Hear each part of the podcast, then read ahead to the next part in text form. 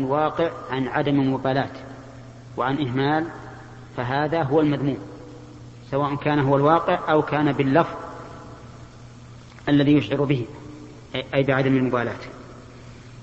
نعم. وفيه أيضا حث في هذا الحديث حث على تعاهد القرآن بأن يقرأه الإنسان دائما. وما أحسن ما قاله بعض أهل العلم إنه ينبغي للإنسان أن يجعل له حزبا معينا من القرآن يقرأه كل يوم لا على سبيل التعبد ولكن على سبيل الانضباط. لأنه لو قرأه على سبيل التعبد لقلنا له ها أين الدليل؟ لكن على سبيل الانضباط يقول أنا أخشى إذا لم أعين وأحدد أن أتهاون كما هو المشاهد. الإنسان إذا ما حد الشيء يحافظ عليه ما ينام إلا هم خلصه فإنه يتهاون. ثم تروح الأيام يوم يدري ولم تراكم عليه عدة أجزاء ما قرأها. لكن إذا عين كل يوم عاد ما, ما سهل الله له وحافظ على هذا القدر فإن ذلك يعينه على تعاهد القرآن. نعم. وفيه أيضا دليل على جواز تشبيه المعقول بالمحسوس. لأن الرسول شبه تفلت القرآن على قارئه بإيش؟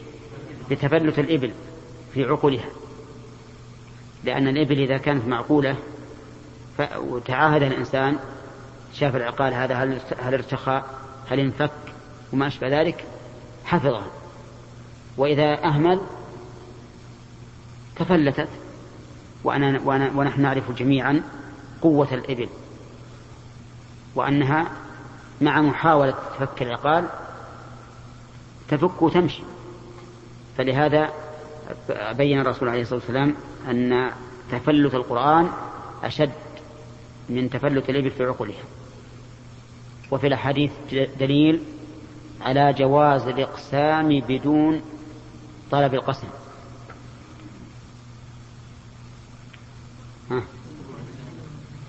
فهو الذي نفسي بيده. مع أن بعض الناس لو تحلف عنده قرأنا قال لك احلف من قال لك احلف؟ وهذا قد يكون له وجه. إذا كان المخاطب يخشى أن الرجل ما حلف ما حلف إلا لعدم ثقته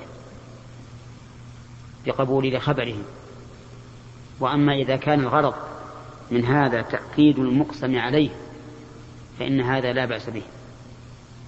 وأظن مر علينا في البلاغة أن من أسباب القسم تشكك المخاطب أو إنكاره أو أهمية المقسم عليه. هنا نعم. قال ثم فلما رأت امرأة أنه لم يحصل فيها شيئا في في حديث معلمة قال حاجة نعم. لعله لعله بعد ذلك. بعد ذلك. أي يقول بعد ذلك طول سكوته. ظن الراوي أنه لم يقضي شيئا أو لم يسمع. مع أن الراوي هو سهل واحد حديث واحد. إليه يحمل على أنه في أول الأمر ما قضى به من أول الأمر. نعم. ها؟ كيف؟ يلبس. الرجال أو النساء؟ ها؟ النهي عن لبس الحديد الذي قال هو حلية أهل النار اختلف العلماء في صحته. بعضهم قال أنه منكر أو شاذ لمخالفة الحديث الصحيح. ويحتمل أنه بعد النهي أن النهي ورد بعد ذلك. ما ندري الله أعلم. نعم. إيه نعم بمعنى كذا كذا وكذا. عربية. ها؟ لا لم هي فارسية. نعم. باب القراءة على الدابة. حدثنا حجاج بن منهال قال حدثنا شعبة قال أخبرني أبو إياس قال سمعت عبد الله بن مغفل قال رأيت رسول الله صلى الله عليه وسلم يوم يوم فتح مكة وهو يقرأ على وهو يقرأ على راحلته سورة الفتح. اللهم صل وسلم. الدابة البعير واضح. والفرس؟ ها؟ والحمار؟ إيه. يعني يقرأ على الحمار؟ إيه. طيب والسيارة؟ ها؟ هي ما هي دابة ما هي الدابة الله يهديكم. فلك. وجعل لكم من الفلك والأنعام ما تركبون. الأنعام دواب والسيارات والطيارات والسفن كلها فلك. لكن السيارات فلك برية والطائرات فلك جوي والسفن فلك بحري نعم.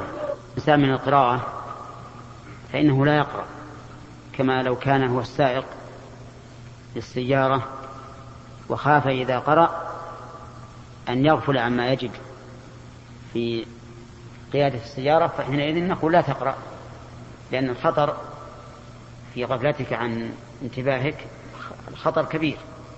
هنا نعم يا خالد.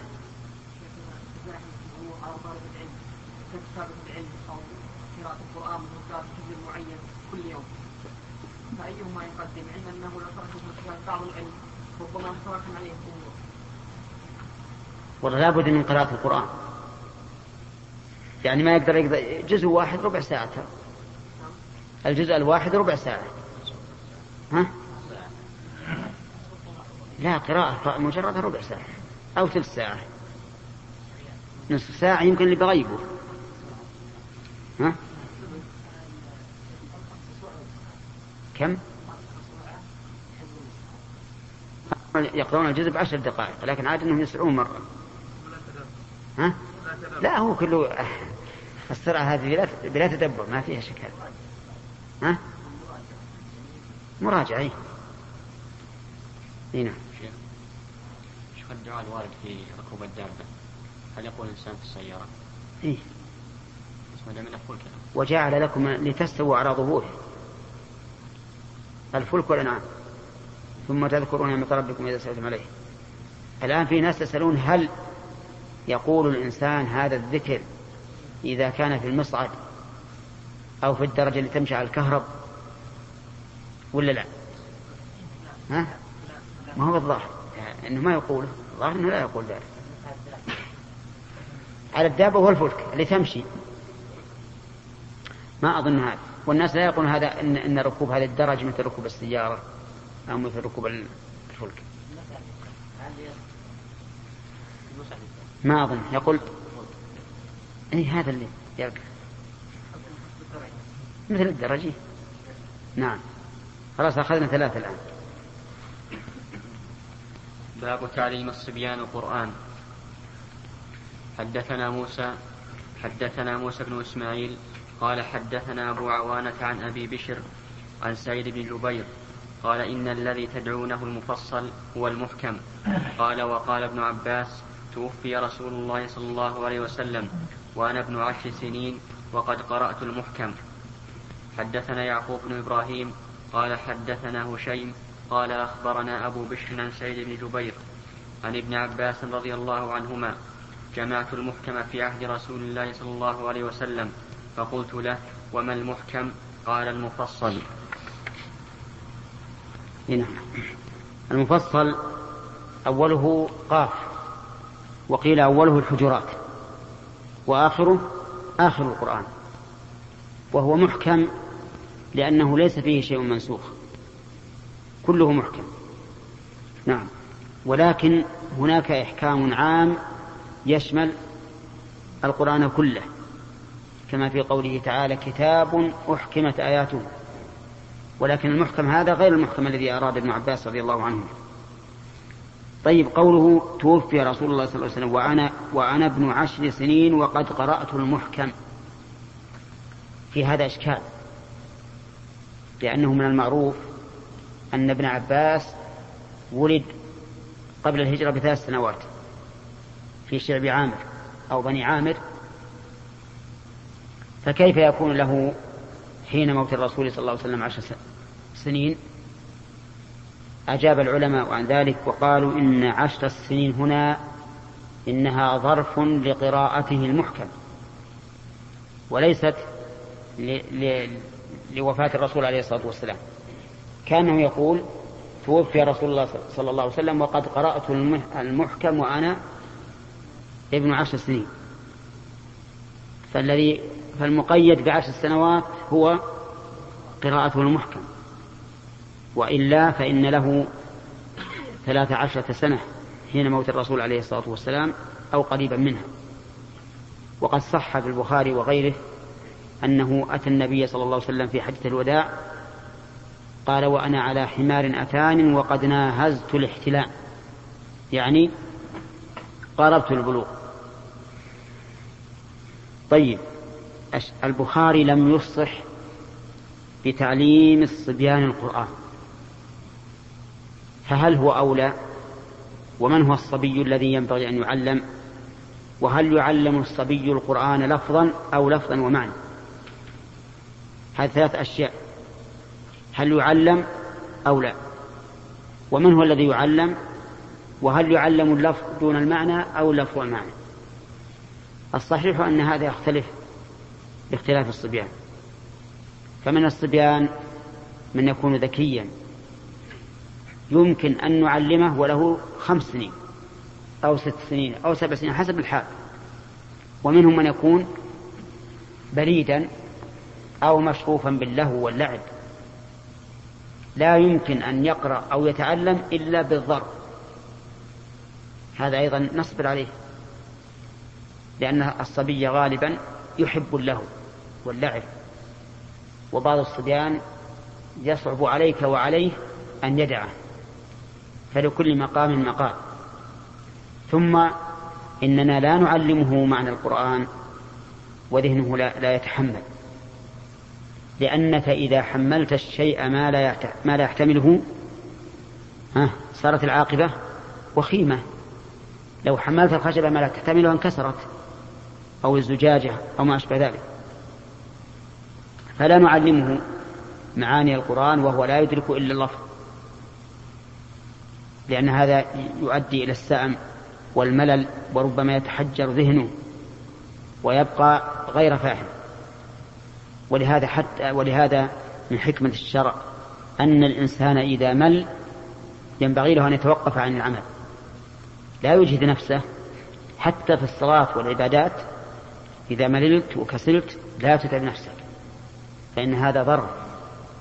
خل نفسك راعها على حسب الحال. خلك كالراعي للغنم والشاء.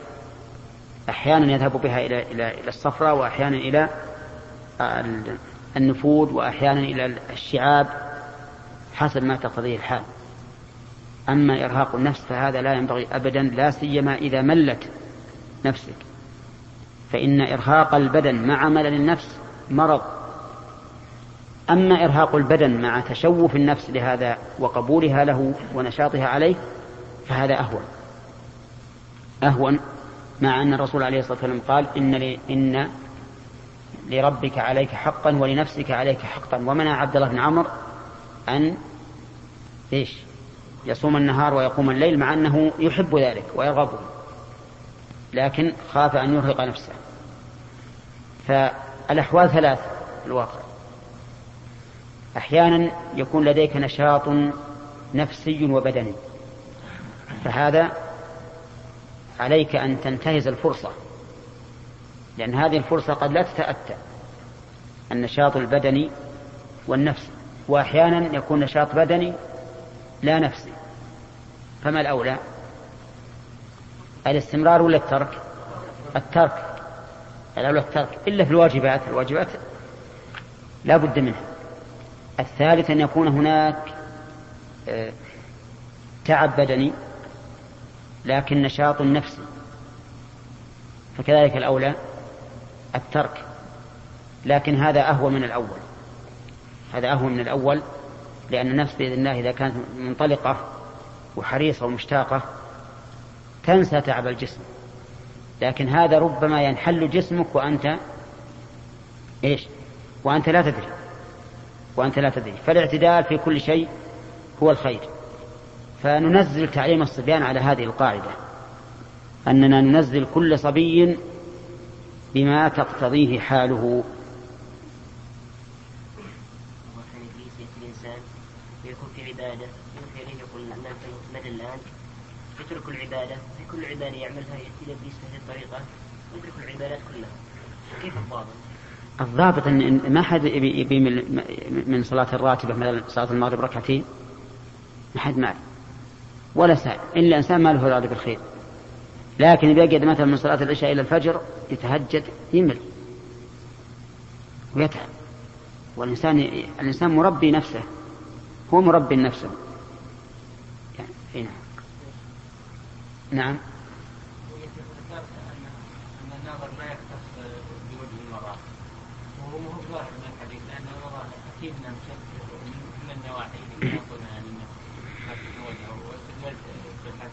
اي نعم الواقع إنه ما في دليل على أنه كاشف من وجهه أو غير كاشف. لا أقول ذكرت ان النظر للخاطب يعني نعم نعم لا. صحيح. بل ينظر إلى الشعر نعم. الحديث. الحديث هذا ما فيه لا هذا ولا هذا. لكن كونه صعد النظر ويصوبه يدل على أنه ينظر إلى شيء. ما ندري قد يكون قبل الحجاب. أنت تعرف أن أن أن الحجاب ما نزل إلا في السنة السادسة من الهجرة. متأخر. والتصعيد والتصويب لا شك أنه, إنه يحتاج إلى نظر. ثم إن الحديث الحديث الثاني فيه صريح واضح. فأراد أن ينظر إلى ما يدعوه إلى نكاحها فليفعل. إلى ما يدعو كل شيء يرغبك في الزوجة فلا بأس بالنظر إليه إلا عدا الأشياء العورة التي لا يمكن الكشف عنها هذا واضح. نعم.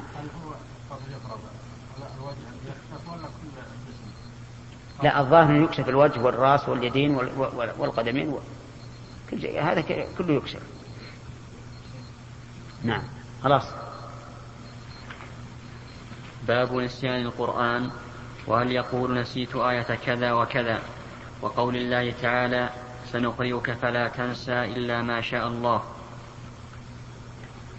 حدثنا, حدثنا ربيع بن يحيى قال حدثنا زائدة قال حدثنا هشام عن عروة عن عائشة رضي, رضي الله عنها قالت سمع النبي صلى الله عليه وسلم رجلا يقرأ في المسجد فقال يرحمه الله لقد أذكرني كذا وكذا آية من سورة كذا.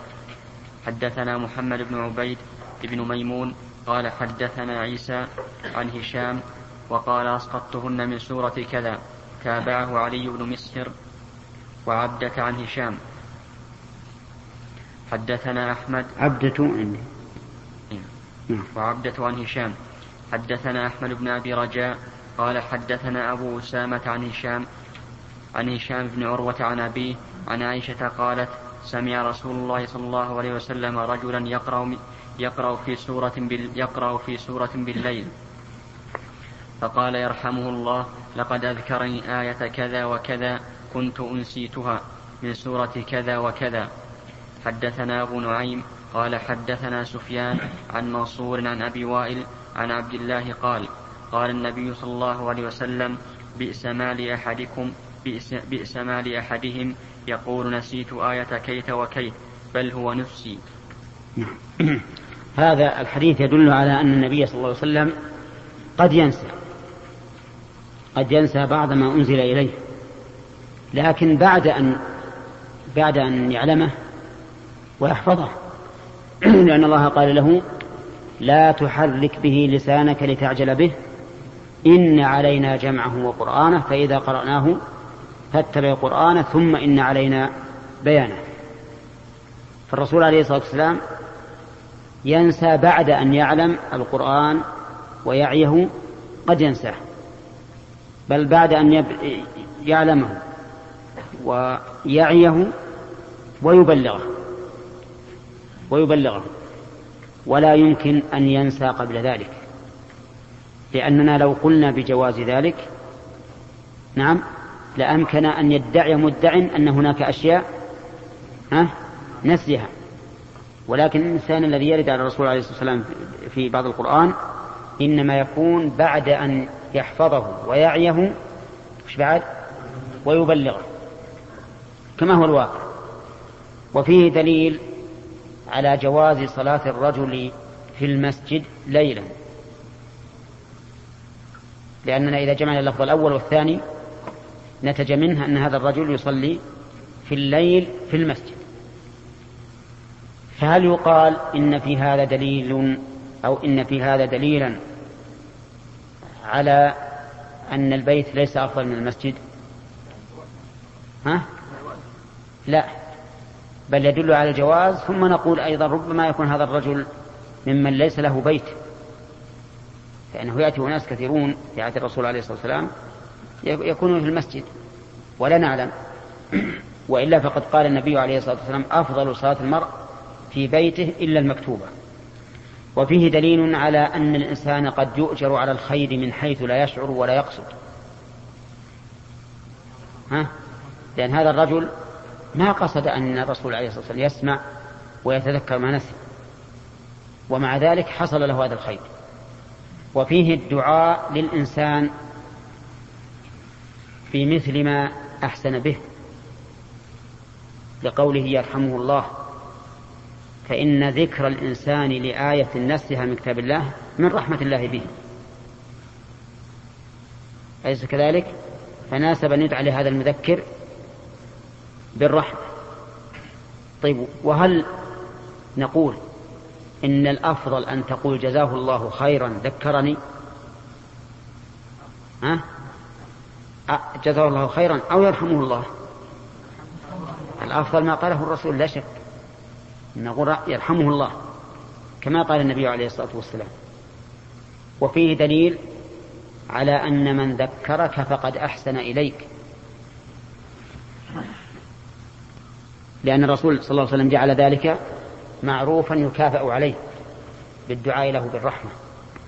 خلافا لبعض الناس الذين تأخذهم العزة بالإثم فإذا ذكر بآية نسيها أو بعمل نسيه انتفخ. وقال من قال لك رد, رد عليه؟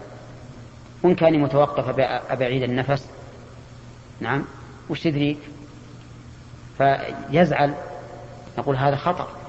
إذا أحسن إليك أحد فذكرك بآية من كتاب الله أو بحديث عن رسول الله صلى الله عليه وسلم أو بمسألة من مسائل العلم فاحمد الله أن ذكرك. لأنك إذا نسيت فأقل أحوالك أن نقول إنك مسيء لكن معفو عنك. ولا محسن؟ ها؟ مسيء لكن معفو عنك لخطئك فإذا ذكرك أحد بشيء فادعوا الله له واحمد الله على هذا فإن هذا من نعمة الله سبحانه وتعالى. طيب و وفيه دليل في الحديث في الحديث الآخر حديث مسعود أنه لا يقول الإنسان نسيت آية كيت وكيت ولكن يقول إيش؟ نسيت أو نسيت وقد سبق تعليل ذلك. نعم. وما انتهى الوقت؟ لا. أعلنت عندي نعم. على هذا الدليل على رد رد قول العوام؟ ان ان عند العوام ان كلمه رحمه الله لا تطلق إلا على الميت. هذا الحديث البخاري شو يقول فيه رد على العوام الذين يقولون إذا قلت رحم الله فلان يقول ما مات. نعم. فلان الله يرحمه قال ما مات. كأنه لا يدعى بالرحمة إلا للميت. هذا خطأ. يقول هذا الحديث يرد عليهم. نعم. القرآن العلم الذي حفظه الإنسان وبدأ أن لا يقول نسيته بل يقول نسيته لا ما يقول نسيته لا بأس. نعم. تكون مخطوبة على خاطبها. يعني في بعض الناس شوي. إيش؟ أقول في بعض الناس. إي. يخلي تميز يعني على الخاطب ويكون شوية. وبعضهم يدخل بدرس مثلا عنده يعني الناس ما عندهم ضابط واضح. لا المقصود كل ما يدعو إلى إلى إلى إلى الرغبة فيها تبقى. فما دامت هي ما دامت هي عند عند محرمها فلا بأس أنها تبقى ولا حرج أيضا أنه ينظر إليها مرة أو مرتين أو ثلاثا. ولهذا قال العلماء له له أن يكرر ذلك مرارا. لأنه ما يرغب بأول مرة. ثم الإنسان أول أول نظر ما هو مثل نظر متعمد. سبحان الله العظيم. هذا عاد بينه وبين ربه. يقول شرط إنه ما عندك شهوة ولا وآمن ثوران الشهوة أيضا. ولا حد إن شاء الله راح بخاطر الناس. يقول بس أناظر حريم. أبدا. إلا عن رغبة لكن لا شك أن الإنسان إذا نظر أول مرة ما ما هي ميزان أبدا. لا هي ميزان لا من جهة الإقدام ولا من جهة الإحجام.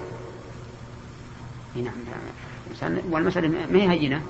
المسألة هذه مستقبل وأولاد وذرية. نعم.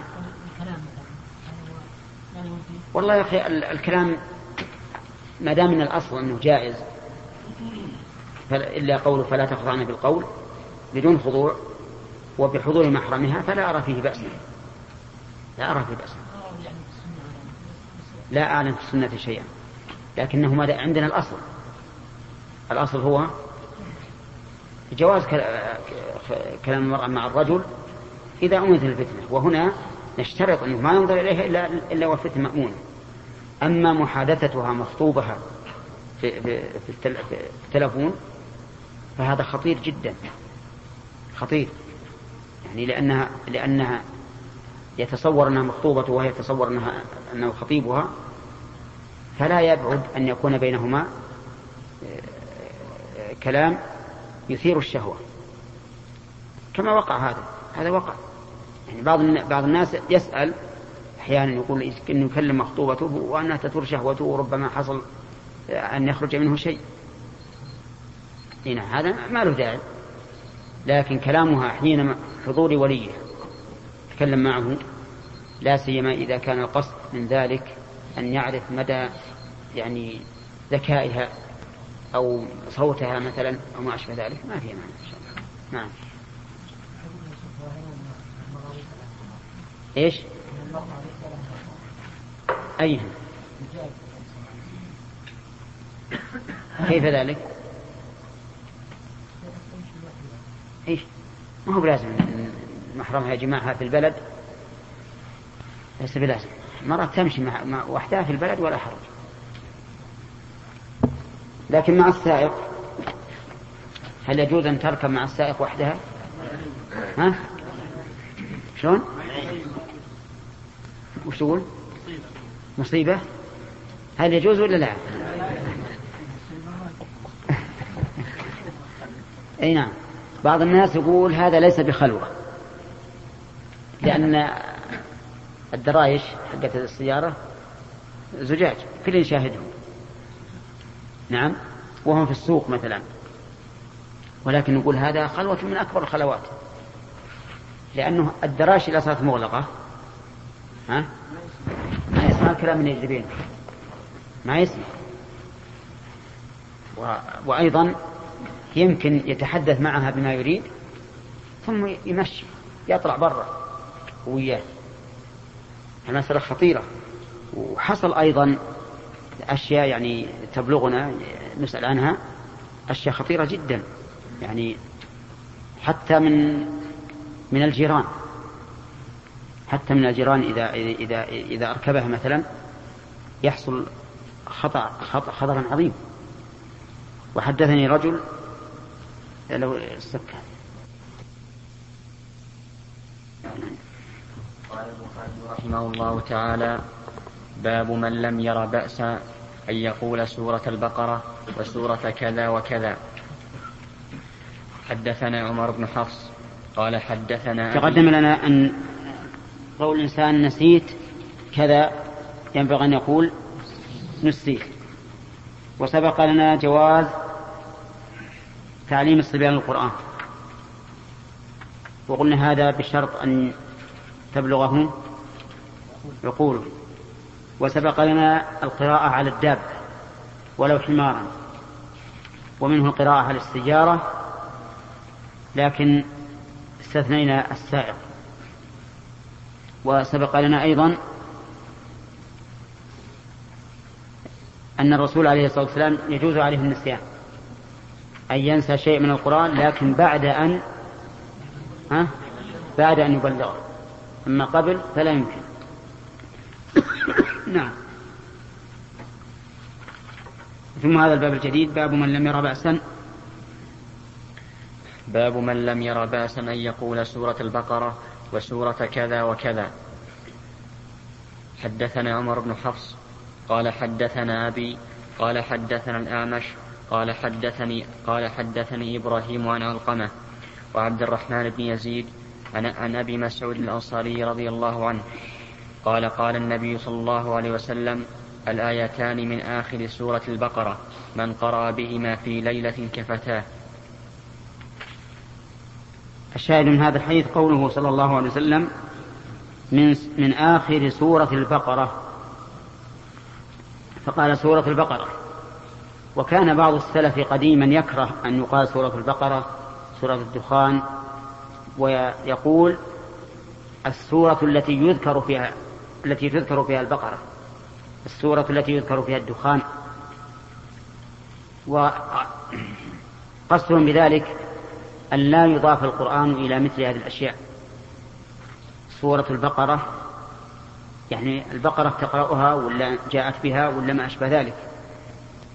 فقالوا لئلا يضاف القرآن أو شيء منه إلى هذه المخلوقات ينبغي أن لا يفعل.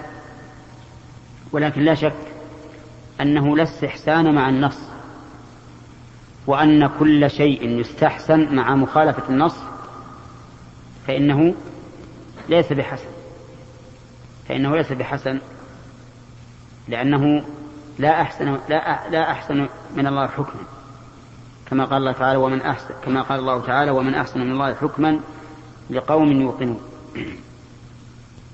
طيب هنا في الحديث الآيتان مبتدأ. أين خبرهما. ها؟ الجملة الشرطية من قرأ بهما في ليلة. نعم حدثنا أبو اليمان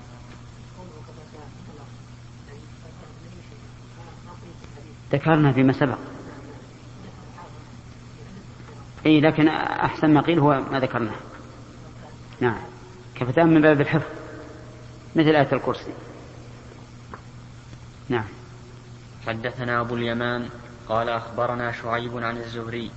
قال أخبرني عروة بن الزبير عن حديث المسور بن مخرمة وعبد الرحمن بن عبد القاري أنهما سمع عمر بن الخطاب يقول سمعت هشام بن حكيم ابن ابن حزام يقرأ إيش؟ سمعت يقول سمعت هشام بن حكيم نعم. ابن حزام. ابن؟ نعم. ليش؟ قال سمعت هشام بن حكيم. لا ابني نعم. صفة الحكيم الكسر. نعم. نعم. لكن ما يجوز القطع في النعت القطع ما يجوز. لأنه ما يجوز القطع إلا إذا تعين بدونه. نعم. يقول سمعت هشام بن حكيم ابن حزام يقرأ سورة الفرقان في حياة رسول الله صلى الله عليه وسلم فاستمعت لقراءته فإذا هو يقرأها على حروف كثيرة لم يقرئنيها رسول الله صلى الله عليه وسلم فكدت أسايره في الصلاة فانتظرته حتى سلم فلببته فقلت من أقرأك هذه السورة التي سمعتك تقرأ؟ قال أقرأنيها رسول الله صلى الله عليه وسلم فقلت له كذبت فوالله إن رسول الله صلى الله عليه وسلم له أقرأني هذه السورة التي سمعتك التي سمعتك فانطلقت به إلى رسول الله صلى الله عليه وسلم أقوده. فقلت يا رسول الله إني سمعت هذا يقرأ سورة, يقرأ سورة الفرقان على حروف لم تقرئنيها وإنك أقرأتني سورة الفرقان. فقال يا هشام يقرأها فقرأها السورة التي سمعته. قرأها فقرأها القراءة التي سمعته. فقال رسول الله صلى الله عليه وسلم هكذا أنزلت. ثم قال اقرأ يا عمر. فقرأتها التي أقرأنيها. فقال رسول الله صلى الله عليه وسلم هكذا أنزلت. ثم قال رسول الله صلى الله عليه وسلم إن القرآن أنزل على سبعة أحرف فاقرأوا ما تيسر منه. الشاهد من هذا الحديث أن عمر قال عند النبي صلى الله عليه وسلم سورة الفرقان فأقره فاجتمع في هذا سنة النبي صلى الله عليه وسلم القولية ها والإقرارية. نعم. هذا الحديث تقدم الكلام عليه. نعم. قوله يقول يجوز للإنسان إنسان أو ظن أنه تقوله إلى العالم المسلم يتحاكم بينهم. إن كان مثل عمر فلا بأس. لا ينطبق لا ما ما أدري. ما أظنه نعم. لا الأحسن يمسك يده بهدوء. يقول تفضل نسأل العالم الفلاني. نعم. أما لو يقولها الآن كان يأخذ هذا فترة ويقولها أكثر. أو يقوله هو خليه.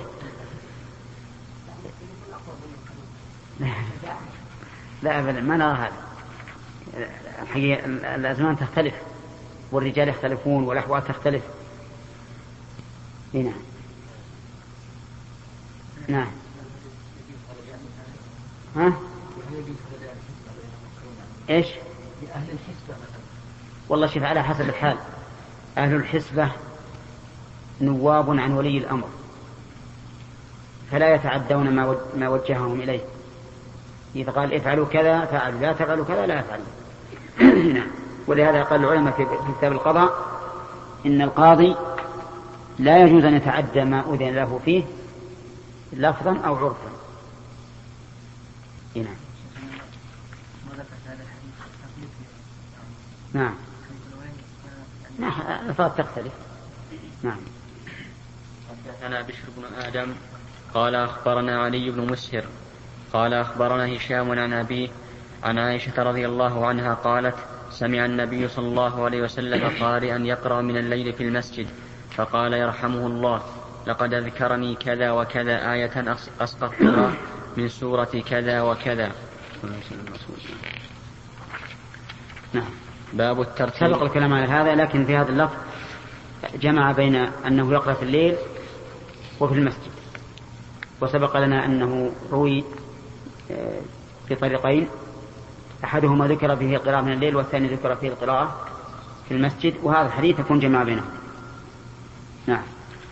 باب الترتيل في القراءة وقوله تعالى ورتل القرآن ترتيلا وقوله تعالى وقرآنا, وقرآنا فرقناه لتقراه على الناس على مكث وما يكره أن يهذ كهذ الشعر. فيها يفرق يفصل. قال ابن عباس فرقناه فصلناه. قوله تعالى ورتل القرآن ترتيلا معنى الترتيل أن يأتي بكل حرف بينا واضحا بحيث لا يخفيه مع غيره ولا فرق بين أن يكون مسرعا أو متأنيا. لكن كلما كان متأنيا فهو أقرب إلى الترتيل. لكن مطلق الترتيل يكون بأن يأتي مرتلا لكل حرف بعد الآخر وهو يشبه الترتيب بالباء لأنه إذا أدغم حرفا في حرف جعل كل حرف في مرتبة الحرف الذي إيش؟ الذي قبله. لكن إذا أظهر كل حرف من مخرجه وفصل كل حرف عن عن قرينه صار في صار بذلك مرتبا. وأما قوله قرآنا فرقناه تقرأه على الناس على مكث فهو كقوله تعالى وقال الذين كفروا لولا نزل عليه القرآن جملة واحدة كذلك لنثبت به فؤادك ورسلناه ترتيلا. ففرقه الله عز وجل ليقرأه على الناس على مكث لأنه لو جاء دفعة واحدة وقرئ على الناس مرة واحدة ما فهموه ولا عقلوه. وهذا تعليم من الله عز وجل لنا أن لا نأخذ الأمور جملة واحدة. بل نأخذها نعم بالتفريق والتأني سواء ذلك سواء كان ذلك في دراسة العلم أو في حفظه أو غير ذلك. وأما قوله يكره أن يهد كهد الشعر يعني أنه يسرع فيه كالإسراع في الشعر. فإن هذا مكروه. بل قد يكون حراما إذا أدى إلى خفاء الحروف نهائيا. فإنه يكون قد نقص القرآن. نعم.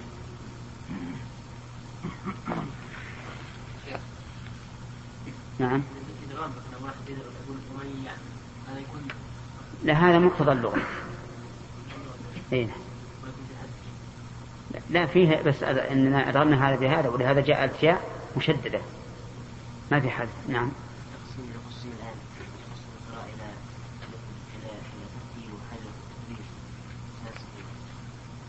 لا هذا من المحسنات فقط. محسنات من القراء. نعم حدثنا.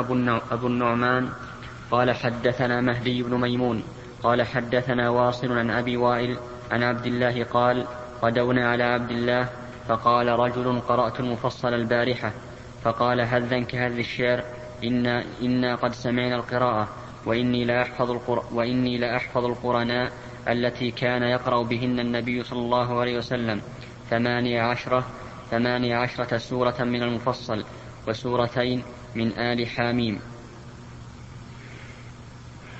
عبد الله من هو؟ عبد الله بن مسعود. وقوله قرأت المفصل البارحة. الظاهر من المفصل غير المفصل المعترف المصطلح عليه الآن. لأن هذا قبل أن يرتب المصحف أو على ترتيب عبد الله بن مسعود رضي الله عنه وهو يختلف.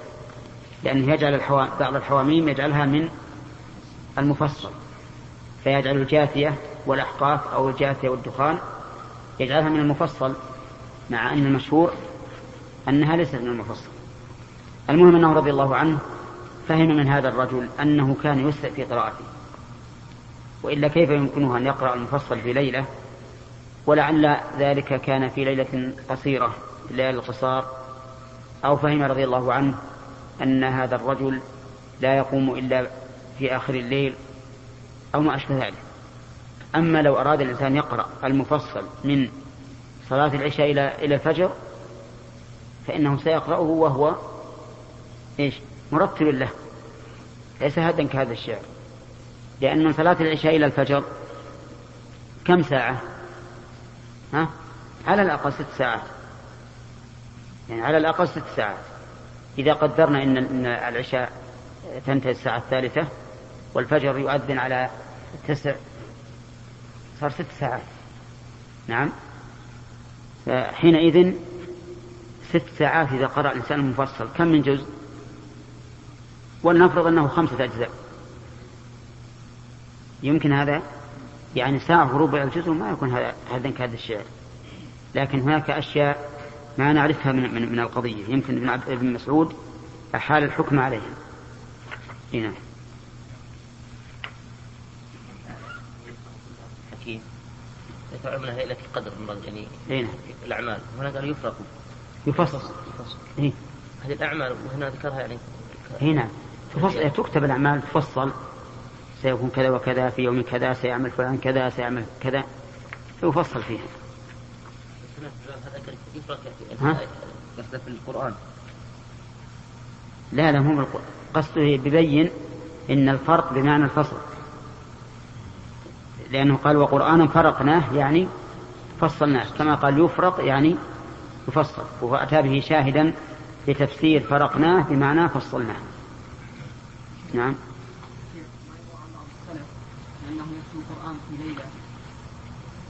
نعم. يمكن هذا. ذكر عن عثمان رضي الله عنه أنه كان يختم القرآن في ليلة في ركعة واحدة. وهذا ليس ببعيد. لكن ما ذكره الرافضة عن علي بن أبي طالب أنه كان يختم القرآن فيما بين المغرب والعشاء ويرون هذا من مناقبه قال لهم شيخ الإسلام ما أجهلكم وأسفهكم تجعلون اللعب بالقرآن من مناقب علي بن أبي طالب؟ اللي بيقرأ القرآن ثلاثين جزء من بعد المغرب إلى العشاء ويبي يتوضأ للمغرب ويصلي يصلي ويتسبح ويصلي الرواتب. نعم ثم يقرأ القرآن كله ثلاثين جزء في خلال ساعة. هل هذا منقبة ولا مذمة؟ ها؟ هذا مذمة. هذا مذمة. ذكر هذا في كتابه منهاج السنة. وهو كتاب عظيم. يعني لو أنه لو تيسر أنه يلخص هذا هذا الكتاب لنفع. وتبين فيه جهل الرافضة وسفههم. نعم. نعم. لا تلخص الذهب ليس بشيء. جزا الله الشيخ ابن عثيمين خير الجزاء. ونفعنا وإياكم بما سمعنا وإلى لقاء مع الشريط التالي من هذه المجموعة. والسلام عليكم ورحمة الله وبركاته. مع تحيات إخوانكم في تسجيلات التقوى الإسلامية الرياض. أيها الإخوة إن المادة التي بهذا الشريط مكملة للمادة التي بالشريط الذي قبله وبموجب فهرس تسجيلات التقوى فهذا الشريط رقمه ثمانية آلاف وأربعة عشر.